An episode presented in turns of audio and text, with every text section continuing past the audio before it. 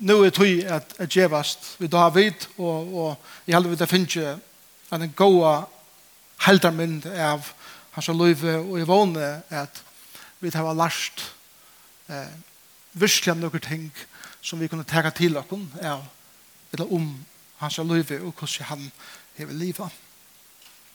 La dere be sammen Arjen vid åpna skriftene.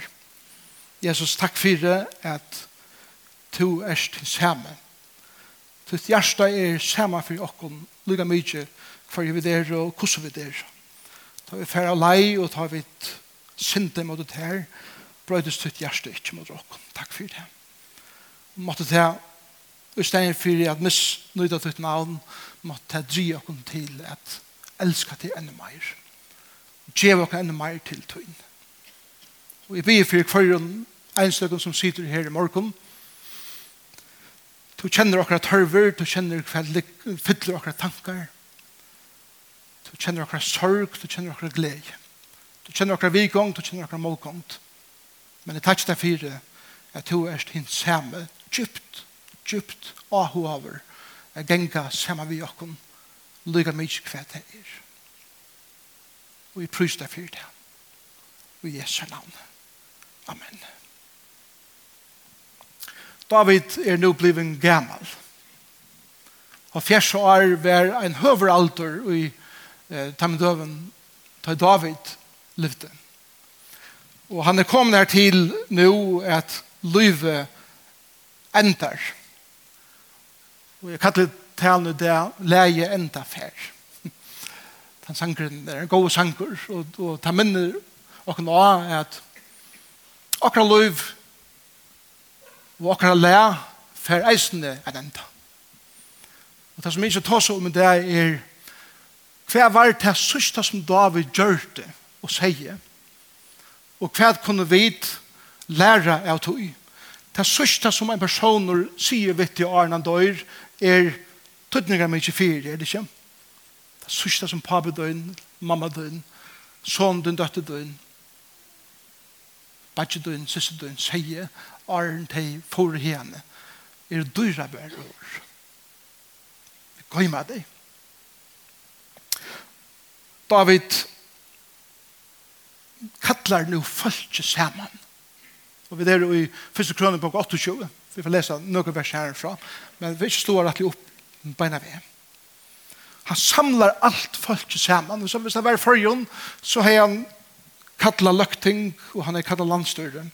Han er røpt og innkalla öll byra og bygdara. Han er heita öll embadisfolk og alla religiøsa leiarar, alla leiarar, allmenner og privater og, og stjórar er koma. Öll fagføle, öll ahoaføle, öll stjórar kring landet. Hei han kalla nu saman og en, en heiland håp og så har han sagt vi alla landsens borgarar at leda okkur nu som tjå saunast. Tui at nå er tøyen kommet kommer at trakka nyer, ikke bare trakka nyer, men tøyen kommer i kommen er færre. Og sånn om en Salomon skal tega iver. Rødden, så David er bliven has, er synder trøyt. Rukkunar er en lengon løyve suttjast av pannen og kinnan. Arrene fra bardønen er gømt innenfor kapene som han ber. Egen er djup i livsrønten. Men her var nekka som de vilja sige. Men hjertet er som mannen er blett. Til god hever bøkt hjertet Davids til sitt egna hjertet. En gammal bartur er suttja til hjertet herrer, maver, men innanfyr bleiter, eimjukur, sarbærer, bråten, enderrester, maver. Öll stærre atmen, öll vita at det er senaste ferie vi suttja kongokkara, som vi er kongokkara i 40 år. Senaste ferie vi suttja ham allment. Hette hans senaste år. Hette maveren som hever skriva okkara salmar, som hever lett okkon, som hever oppmuntra okkon, som hever sikra fyrir okkon, som hever liva at lett. Maveren som fer vittnesboren mong, mong år settende fra gode, hver han sier at hette er maver etter min egna hjärsta. Maver etter min egna hjärsta hjärsta. Hur kan man säga det här om en man? Jag hade god säga det här om män och kvinnor som är äkta i. Som är autentiska i livet. Det är män och kvinnor som har överför god i ett övergivet hjärsta. Det är män och kvinnor som har ett tjänande hjärsta som inte huxar först om sig själv men huxar om att tjäna öre människan Det er mennesker som har et ekta hjerte. Det som du sørst er det som du fast. Her er ikke skuespill. Hette han som vi er. Her er the good, bad and the ugly. Vi må leve. God veit det, og mennesker vet det. Så med våre kvinner som tåra og tåla å være ensamøtl, utan alltid skulle være satt. Det er folk som tåra at arbeida i, i landet Utan alltid var hendene oppe at legg meg til min mun etla sutt med. Det er folk som tåla å være ensamme at seg sjolven. Jeg må si en person som ikke klarer å være ensamme at seg sjolven, det er drav for andre å være sammen med henne neisene. Det er en person som tårer at endur teka og gjer det samme atter og atter og atter. Ein og hver gåur leier veit at jeg må endurteka at gjera ting atter og atter og atter. En gode leier som leier sitt folk for å røre atter og og attor og alle tøyene minna folk og hva det er okkara mal. Hvor gjera vi dette? Og hvordan ikke vi det gjera det så vel som vi kommer. David var med oss som ikke først og fremst hukser som sjolvan, men han hukser om ånder. Han hukser sjolvan om seien ut i marsjene i Bethlehem. David var med vår som ikke bærtist vi våpnen til øren, men han bærtist vi sin egne våpnen. Han hei et hjertens ja, og det var hans hørspa. Og han hei et hjertens nei, som var hans slungeband. Så la sikra han. Han bærtist ikke egnar styrke, men han bærtist i navnet herrens. Var det Goliath, var det Saul, eller hver det så var. Han var konger, han var leiare, men han miste ångade samband med sitt folk. Han levde sammen med dem, han dansa i sammen med dem, han åt sammen med dem, han drakk sammen med dem, han fylltest med dem. Han var en viner som elskade langere enn dejan.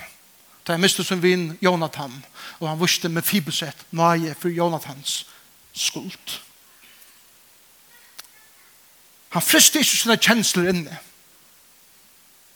Han glemte ikke sine livsøve til han uttrykte det i jøkken solmer og i jøkken tonleik. Han fann onkra måte at uttrykja det som er i ho at festa seg fast her. Jeg får det ut. Det var David. David var lengt fra fullkommen. Han gjør det store feiler sin livet. Men han tar det eisne sitte åra og bya herran og andre om fyrirkjøring. Det er en deg. Han vender vi fra synder sin liv. Ta og jeg sin deg som vi alle gjør og være konfronteret med det, så vender jeg vi. Han levde ikke bare vi er i ut, han vender vi. Og så opplevde han fyrirkjørende hånd herrens. Og han bær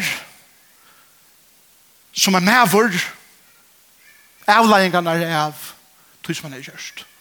Beg som pape, beg som medvur enn kone, og eisen som leiere. Bær han skjønnelige avleggingene er av som er sint, og han bær det vel. Tid, hatta er det her som gjør at en medvur eller en kvinne, vi er kattlaver, en medvur eller kvinne etter Guds egna hjerte. Hjerte ikke partidje, ikke religiøst andalet tvattel. Ikke vi har spela religiøst, så ikke være det. Det er være at han som er det. Og at kjenne Guds leiende hånd. Og tog er det at maver er kattlet for en maver etter Guds egna hjerte. Han var eisen kattlet for indeslige sankar i Israels. Ikke fantastisk? Indeslige sankar i Israels. Nå er han metter av døven. Han fjersar er gammel. Og det som jeg bruker resten av tøyene på. Uff, tøyen gongskjøtt. Det er kvæt sier David vi okkon og i dem sørste gjernen og årenen som han sier og gjør det. Det første til dette er at David sier så leis Ein som lever for en større visjon enn sin egne. ekne. Døyr nøkter. Ein som lever sitt liv for en større visjon enn bare mine egne drømmer. Men ekka som er større enn jeg. Døyr nøkter. Og det er her at Sjalt om jeg ikke oppnådde ødel til tingene som jeg har sett meg for i løven, så vet jeg at god heie en dream for min løv. Og det er godt nok. Hvis de slipper hesten her, og nok ser man noen om at å, det er rævlig, jeg oppnådde ikke det her, jeg gjør det ikke hit, og jeg burde, og skulde, og alle tingene her, og bare akkurat som, tjeva det i Guds hånd, så var det nøgt. Ja Ikke lykke glede, men nøgt. Lesa 2 vers 4, du kan i 4 krønner på 28, vers 2 og 3, og i vers 1 har han samlet alt sammen, som jeg sier han. Og David sier uh, i vers 2, da sender seg David konger, reistes nå og sier, høyre meg, brøver og folk. Jeg heier i hoa er bytja sottmala ørsk herrens og fotaskamle gods okkar hus til kvöldarstea. Og jeg har sauna tilfær til jeg bytja. Jeg bytja tempelet i Jerusalem var Davids største dreimer. Men så sier han i vers 3 Men god sier vi med Du skal ikke bytja navnet munnen hus Du to erst bare det jeg og tog hur uthelt nekv blå. David har en veldig visjon av bygge størst hus til goda byggvøy. Men god sier, to slipper ikke. Og i resten av kapitlen, de sørste årene som han sier, er ikke et fræ av en baskar råd. Han, han tar seg ærlig om hva han er i vilja. Han men han tar seg eisen i ærlig om hva det ikke bleiv. Og her er ikke en tone om å være bæsker om det. Men han edger nasta ataleinen til at tega arbeid i vujarve. Tøy at han finnes en opplevelse av god til fyrre sin løyve, og er, er, sammen på kapittel 6, hver god har sagt vi han, at Tjøgnun tøyt navn skal en konger komme som skal roa og i atler æver. Og det er Jesus Kristus. David hei finnst en større visjon enn bare tempelet. At du kan bygge god et hus, men god skal komme og gjøgne til vi en person som heter Jesus Kristus. At grunda et evet rujtje. David byrja jeg suttja større enn bare sitt egna liv.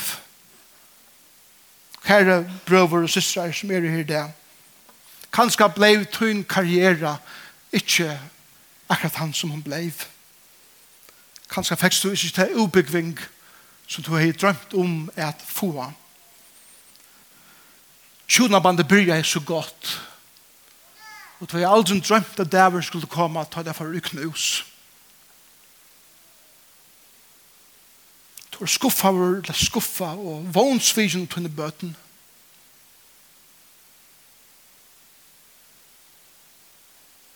Du har vilja haft mer penger. Så jeg vil jeg at du skal komme her i livet nå, at du har større respekt av folk som om det. Færa mål kring heimen som du vil jeg se, som du ikke kommer til å sitte. Averska som jeg vil jeg haft, som du omkant kommer til å heve. Færa skapa en barska råd ut her og mer om det er det eneste i livet fyrir.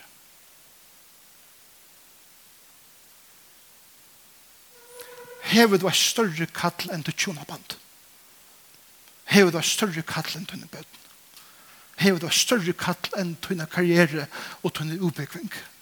Hever du er noe som er større enn det og i løyven, som god hever kallet det til. Så er hitt ikke så rævla ferlet.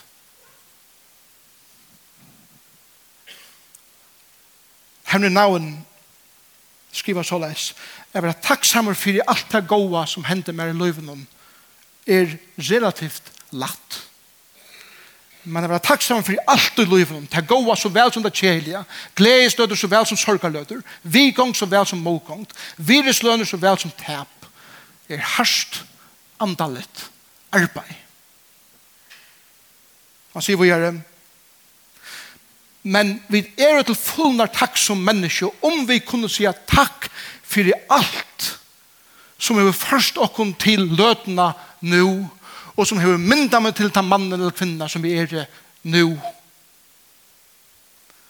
Så langt som vi røyna at byta løyve sundur og i avvisar opplevingar som vi vilja minnast eller gløyma eller avvis mennesker som vi vil minnast eller gløyma så kunne vi ångande til fullnar egna okkom, til egna okkom, okkar er fotle søve. Som man er gave fra god. Så enda vil jeg sige, let oss ikke være bensje for at hitje at ødlom som er først okkom her til i det som vi nu er og lytte og er god ein der, skal vi så kunne helda myndene av minsten som han har våvet inn i okra liv. God har en nekst større mynd fyrt her og mer. Jeg vil heila tid kunne drøyma og sutja.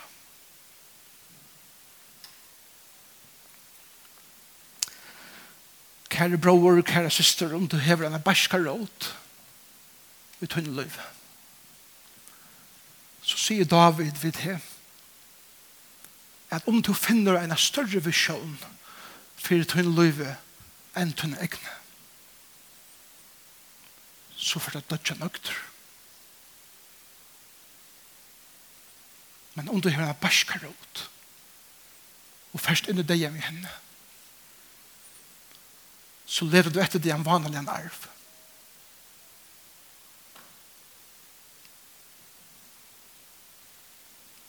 Det er nesten som David sier for oss. Er dette. At kjenne god er tuttninger myglere enn at tjene god.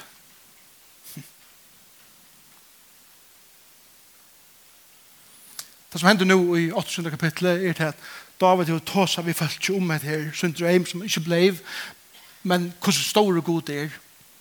Nå venter han seg til sonen hans, Salomon. jeg så ikke myndene for meg at, at David kommer nær Salomon stender her og han ser djupt inn i rukkene og anliten og hans mannen som har vært påbjørn seg alt sitt liv han kjenner røddene, han kjenner hjertet av pappa sin. og når det seneste årene til sin son Da må jeg gjøre en liten liste over hva det var som David gav sin sonne. Et, man hører ikke ofte om det her, men hør hva David gjør det i sin liv. David heier sammen tjåene under ett flagg. David heier just høvestegjen, grundfestan i Jerusalem. Arlen var ønsken flagg, ønsken høvestegjør militærstyrken var utviklet til å bergjast vi jadnvåpnen. David utviklet jadn. Arne, det var imes slø av Molmi eller treje. Og han har utviklet en, en militær som har beste utgjør. Og var virt av ødlen tjóun rundt om. Og han har vunnet syr av ødlen fortjenten.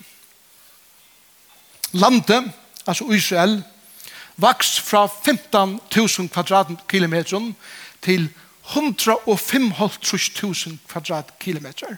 Norra forresten det er 194.000 kvadratkilometer. Og Israel var en for større enn Norra. Er det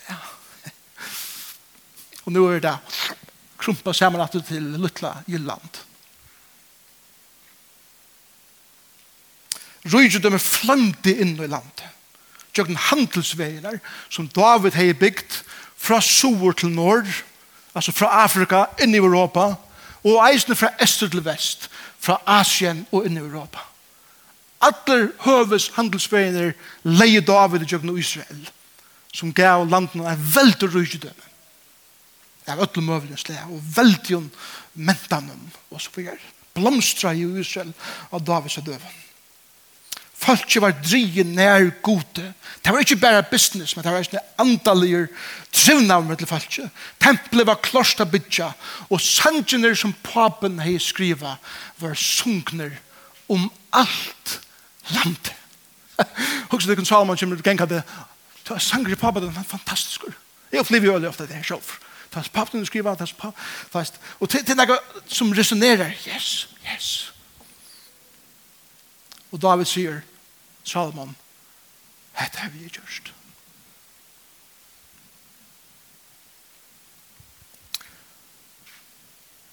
En pappa som har gjørst så nekv, og uten så nekv.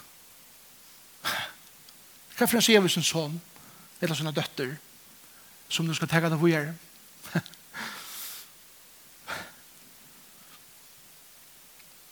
Jeg er bensjen for jeg feste paper, hadde sagt,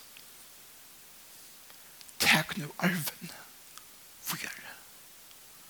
Og til å syrge for ikke spytla. Kan du David?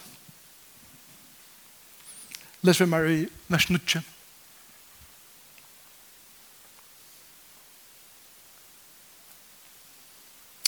Og to sonen med Salomon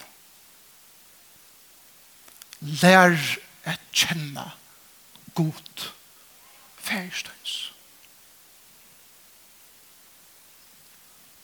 Og så kommer nummer 2. Og tæn honom av heilen hjärsta og fosar sal. Det er det mest til røyene her. Salmon, alt dette tøyt, men, men sånne min Salomon, sånne min Salomon, kom og kjenn godt kom inn i forhold vi god først og fremst, og har rundt og hukser om hva dette skal brukes til, eller hva dette skal gjøres til. Kom og kjenn min god, han som er og fylst vi. Han sier vi i Salomon, kjenn en alt valdade feir som har valgt meg ut at hennes her. Kom og kjenn en allmåtto av feir som, som har lagt med og varvat med og gjør alle omstøver og frestingar og avbjøringar i livet.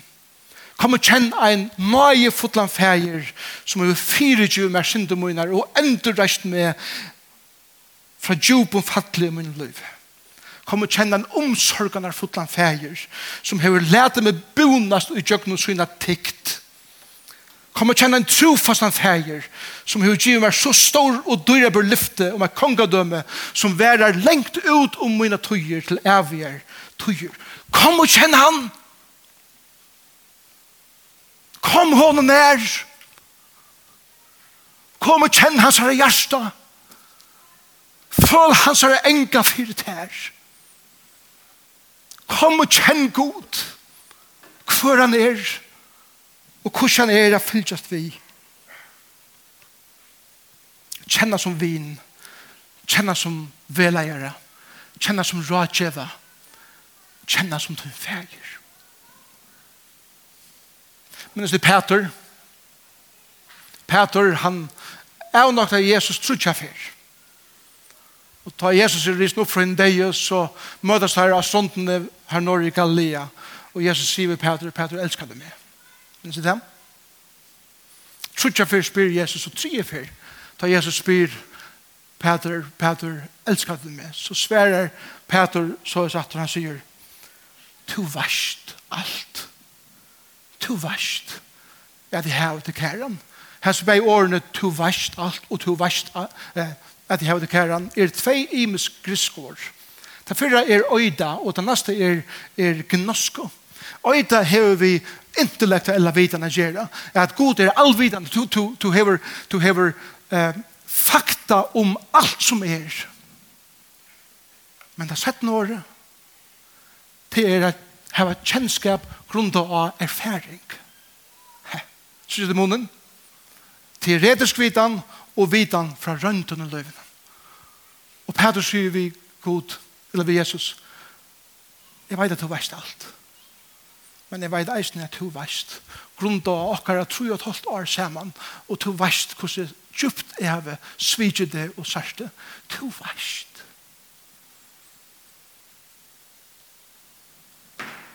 Hva sier Jesus? Bæður før seg meg. Det er ikke nega sorget. Allar flesti av okkur, det som David sier i Salomon, det er så latt at jeg hava intellektuelle vitan om god. Du kan kjenne alle bibelåten ett. Du kan sitere vers, etter vers, etter vers. Du kan vinne argumentasjoner om alt mulig, og du vet alt mulig. Men hver er tøyn vitan grunda av tøyna erfaring er god. Hvordan har du opplivet? Hvordan har du erfaring? Hvor er søver har du å fortelle? At det er god sammen.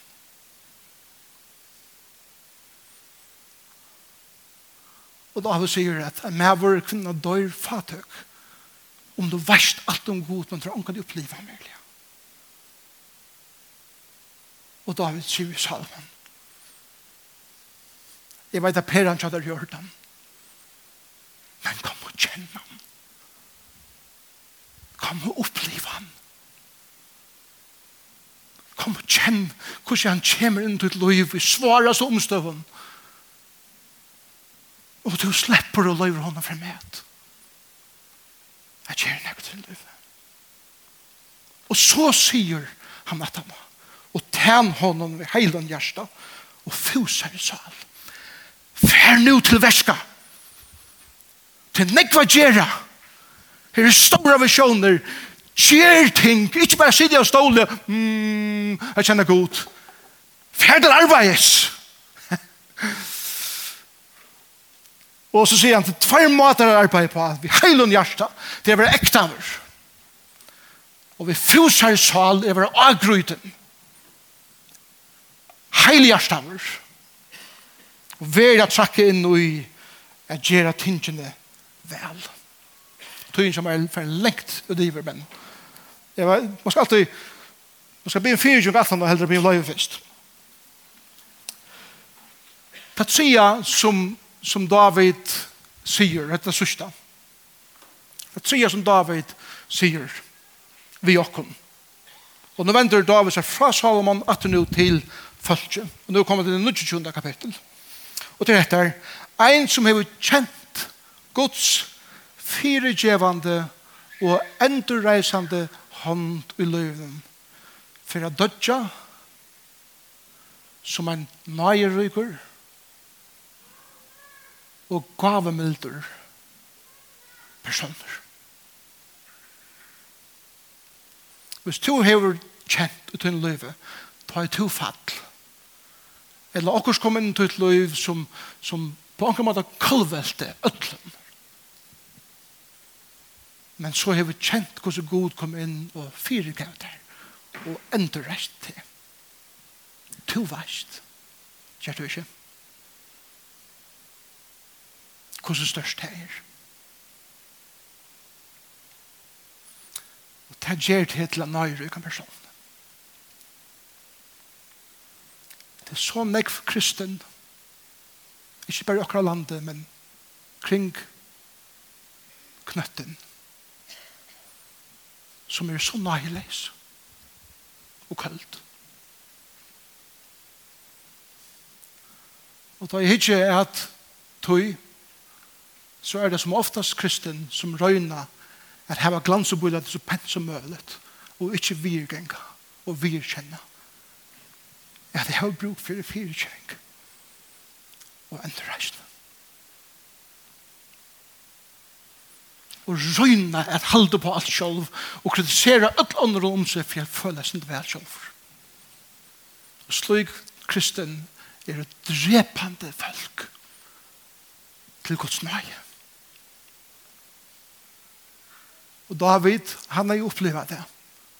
Jeg er fotlen djupt, men litt opp etter og enda rester. Og han døye som en nøyeryker og gaverykker, gavemilder, mever. Nå er det kapittel, er alt som han er om det. Men les lukka vers 21 11 mer. Og i 21 kapittelet Vet om du kjenner, vet om du kjenner okkurs atter, vet om du kjenner okkrar, jeg husker, jeg, min mat jeg husker på er, ta jeg husker om år, så høyre jeg toner. Så jeg ser min gjerne eh, skru over skjermen. Vet jeg hva for toner til høyre? Ta jeg leser etter. David, nå byr han, lova i herren hon, med en ødel sankum han hørt. Og han sier, lova vi to herre, god feir okkar utsels, for jeg vet leve. Tøyn herre er storleikjen, måtteren, heiren, durten og hatteknen. Resonerer han ikke her. Oppenberingen kapittel 5 er det vi. Men les for gjøre. Ja, alt av himmelen og av gjør. Tøyt herre er rydtje. Og to sider høgt over ødlen og hører alt i valdet til. Rydgedømme og heier kommer fra ter. Og du ræver i vrøtlen.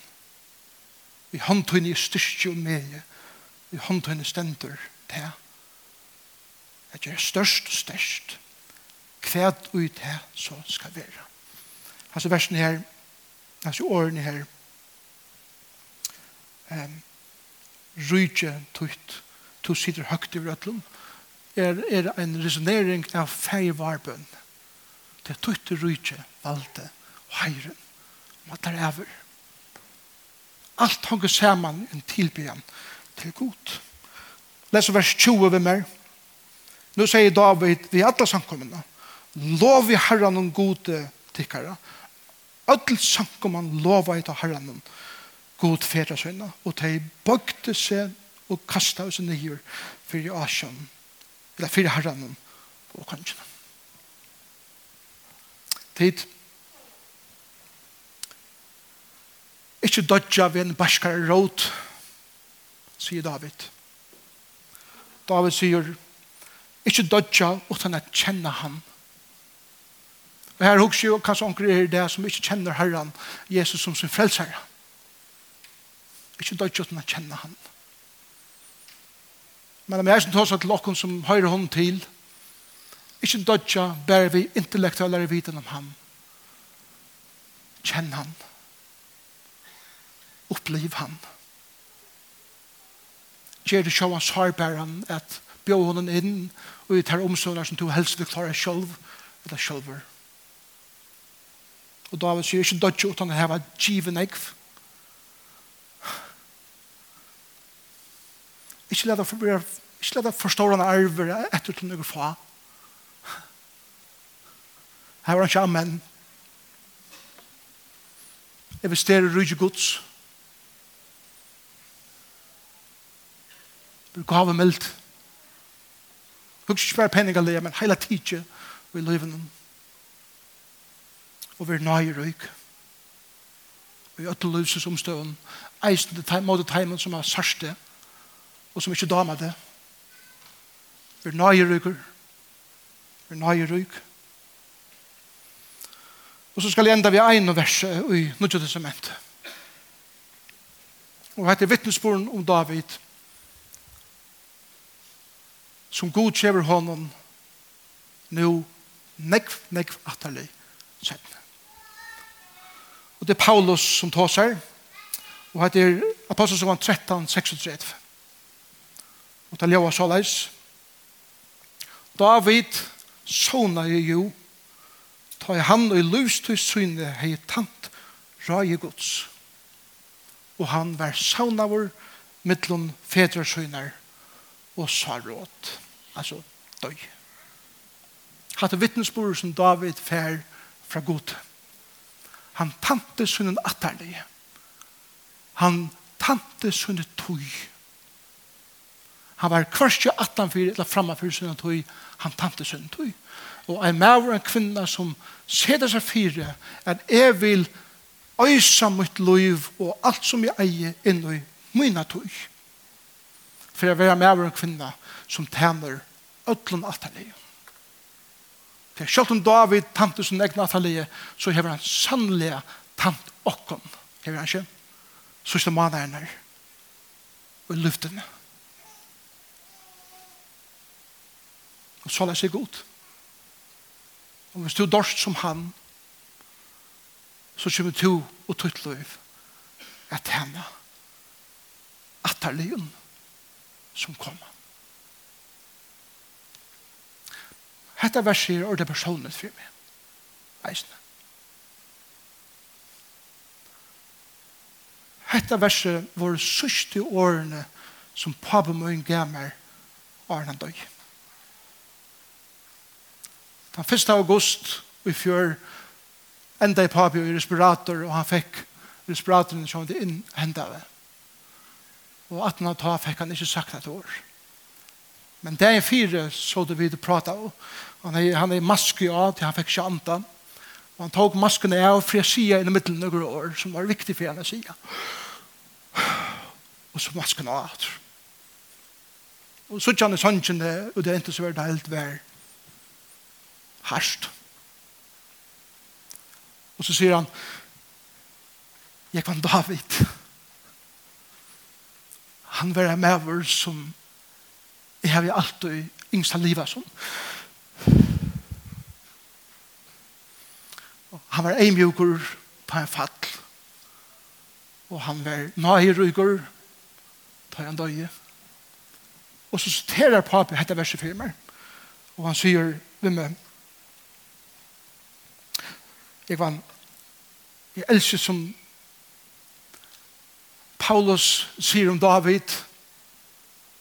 David sånne i Juta og han løser syne i hei tatt røy i gods og han sauna over middel fedrar syne og tenker maskene på at akkurat da kom okker annar inn eller i til sannsynene som gjør det til at okker samtale ble brodden av eller sås og dagen etter så måtte valde laknen akkurat nere spirater at det var senast i årene som papen min sier vi med. Og det er som om man sier, jeg kan, jeg har nå tatt rai gods i min tøy. Og nå er tøy som er at vi har lagt, vi har lagt det til fedra min. Og det var han 20 dier settene. Og jeg ikke halga mitt liv til at hekka fakkelen og tema herranon vi munne tog. Vil jeg tid? Vil jeg tid hekka fakkelen og tema herranon vi tikkara tog?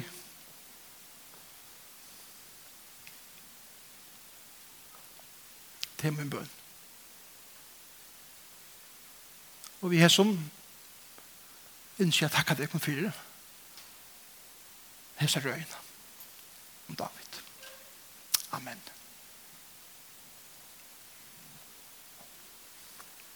Klokkan er blir nært. Det gjør han ikke. Nå får jeg vite at enda møte vi at tilby Herren. Bøttene kan så komme ut, det er deilig, så kunne de lovteke. Vi er kun, vi, vi hesson. Vi er det at, at sånne Davids ber oss minnast sem, Jesus. Det er døy av krossen om. Ta oppfyllt igjen det er evige rydgen som han skal grunta. Og derfor er vi nå er gjerra. Og vi får takka for breie og for, for for vinne, og så fyrir det rundt i middelen av Og den første løten med breie fyrir rundt, om det er nekker her som innskjør bare at prys herren, takk henne for hva han har gjørst. Så er du velkommen til det. Stamtande eller sidande. Og så tar jeg vinne bryr affæra, færa, så færa det synsjen ut til løt, og så enda vi i det. Jeg hadde lyst til å reise oss Jeg føler vi skulle reise oss til akkurat som til endan av røyene. Og samtidig som vi takker for breie og vine. Og som til stender her i dag, så er det kanskje anker her som har en barska råd i løyven. Og her nå tas av vidt her i dag om at slipper det av i hessa barska rådene. Og tega mot herrens fyrirgjøving, eller vilja fyrirgjøva anker nøyren. Herren talar eisen til tøyen, og det er om at komme kjenne Herren, ikke bare i høtten, men i hjertan Og kanskje talar Herren til tøyen at blir en person som vil dødja nøyrykker og gavemelder. Medan vi stande her i det, så har vi til høve, pura, frialeyr og ensamadler her som du stender. At heve hese bønene til til å be sammen. Herre, takk for samkommet tøyna. Og jeg ber Herre Jesus om at du vil sikna kvann einstakan som stender her i morgen. Du kjenner tankene, du kjenner kjenslene, du kjenner søvnene, du kjenner løsomstøvnene, du kjenner sørgene, du kjenner gledene, du kjenner vigongene, du kjenner mågongene. Du kjenner skuffelsene, du kjenner iverrestelsene. Og jeg byr meg til å teka nu kvann einstakan, tala inn og i løyve til kvann einstakan, og hjelpe hånden til henne bænt nu, at teka nekker avkjører, fyrir sønne liv. Og Jesus er navnet, og så la oss takka deg fyrir breie og fyrir vunne, som to sonner Davids, Jesus Kristus. Be akkur minnast. For jeg minner dere selv at vi er djupt elsker jeg. Og du er djupt avhår i akkurat livet. Og takk for det at vi kunne minnes. Eller minne hver annan atter og atter av det. Og i Jesus' navn. Og sammen sier vi Amen. Amen.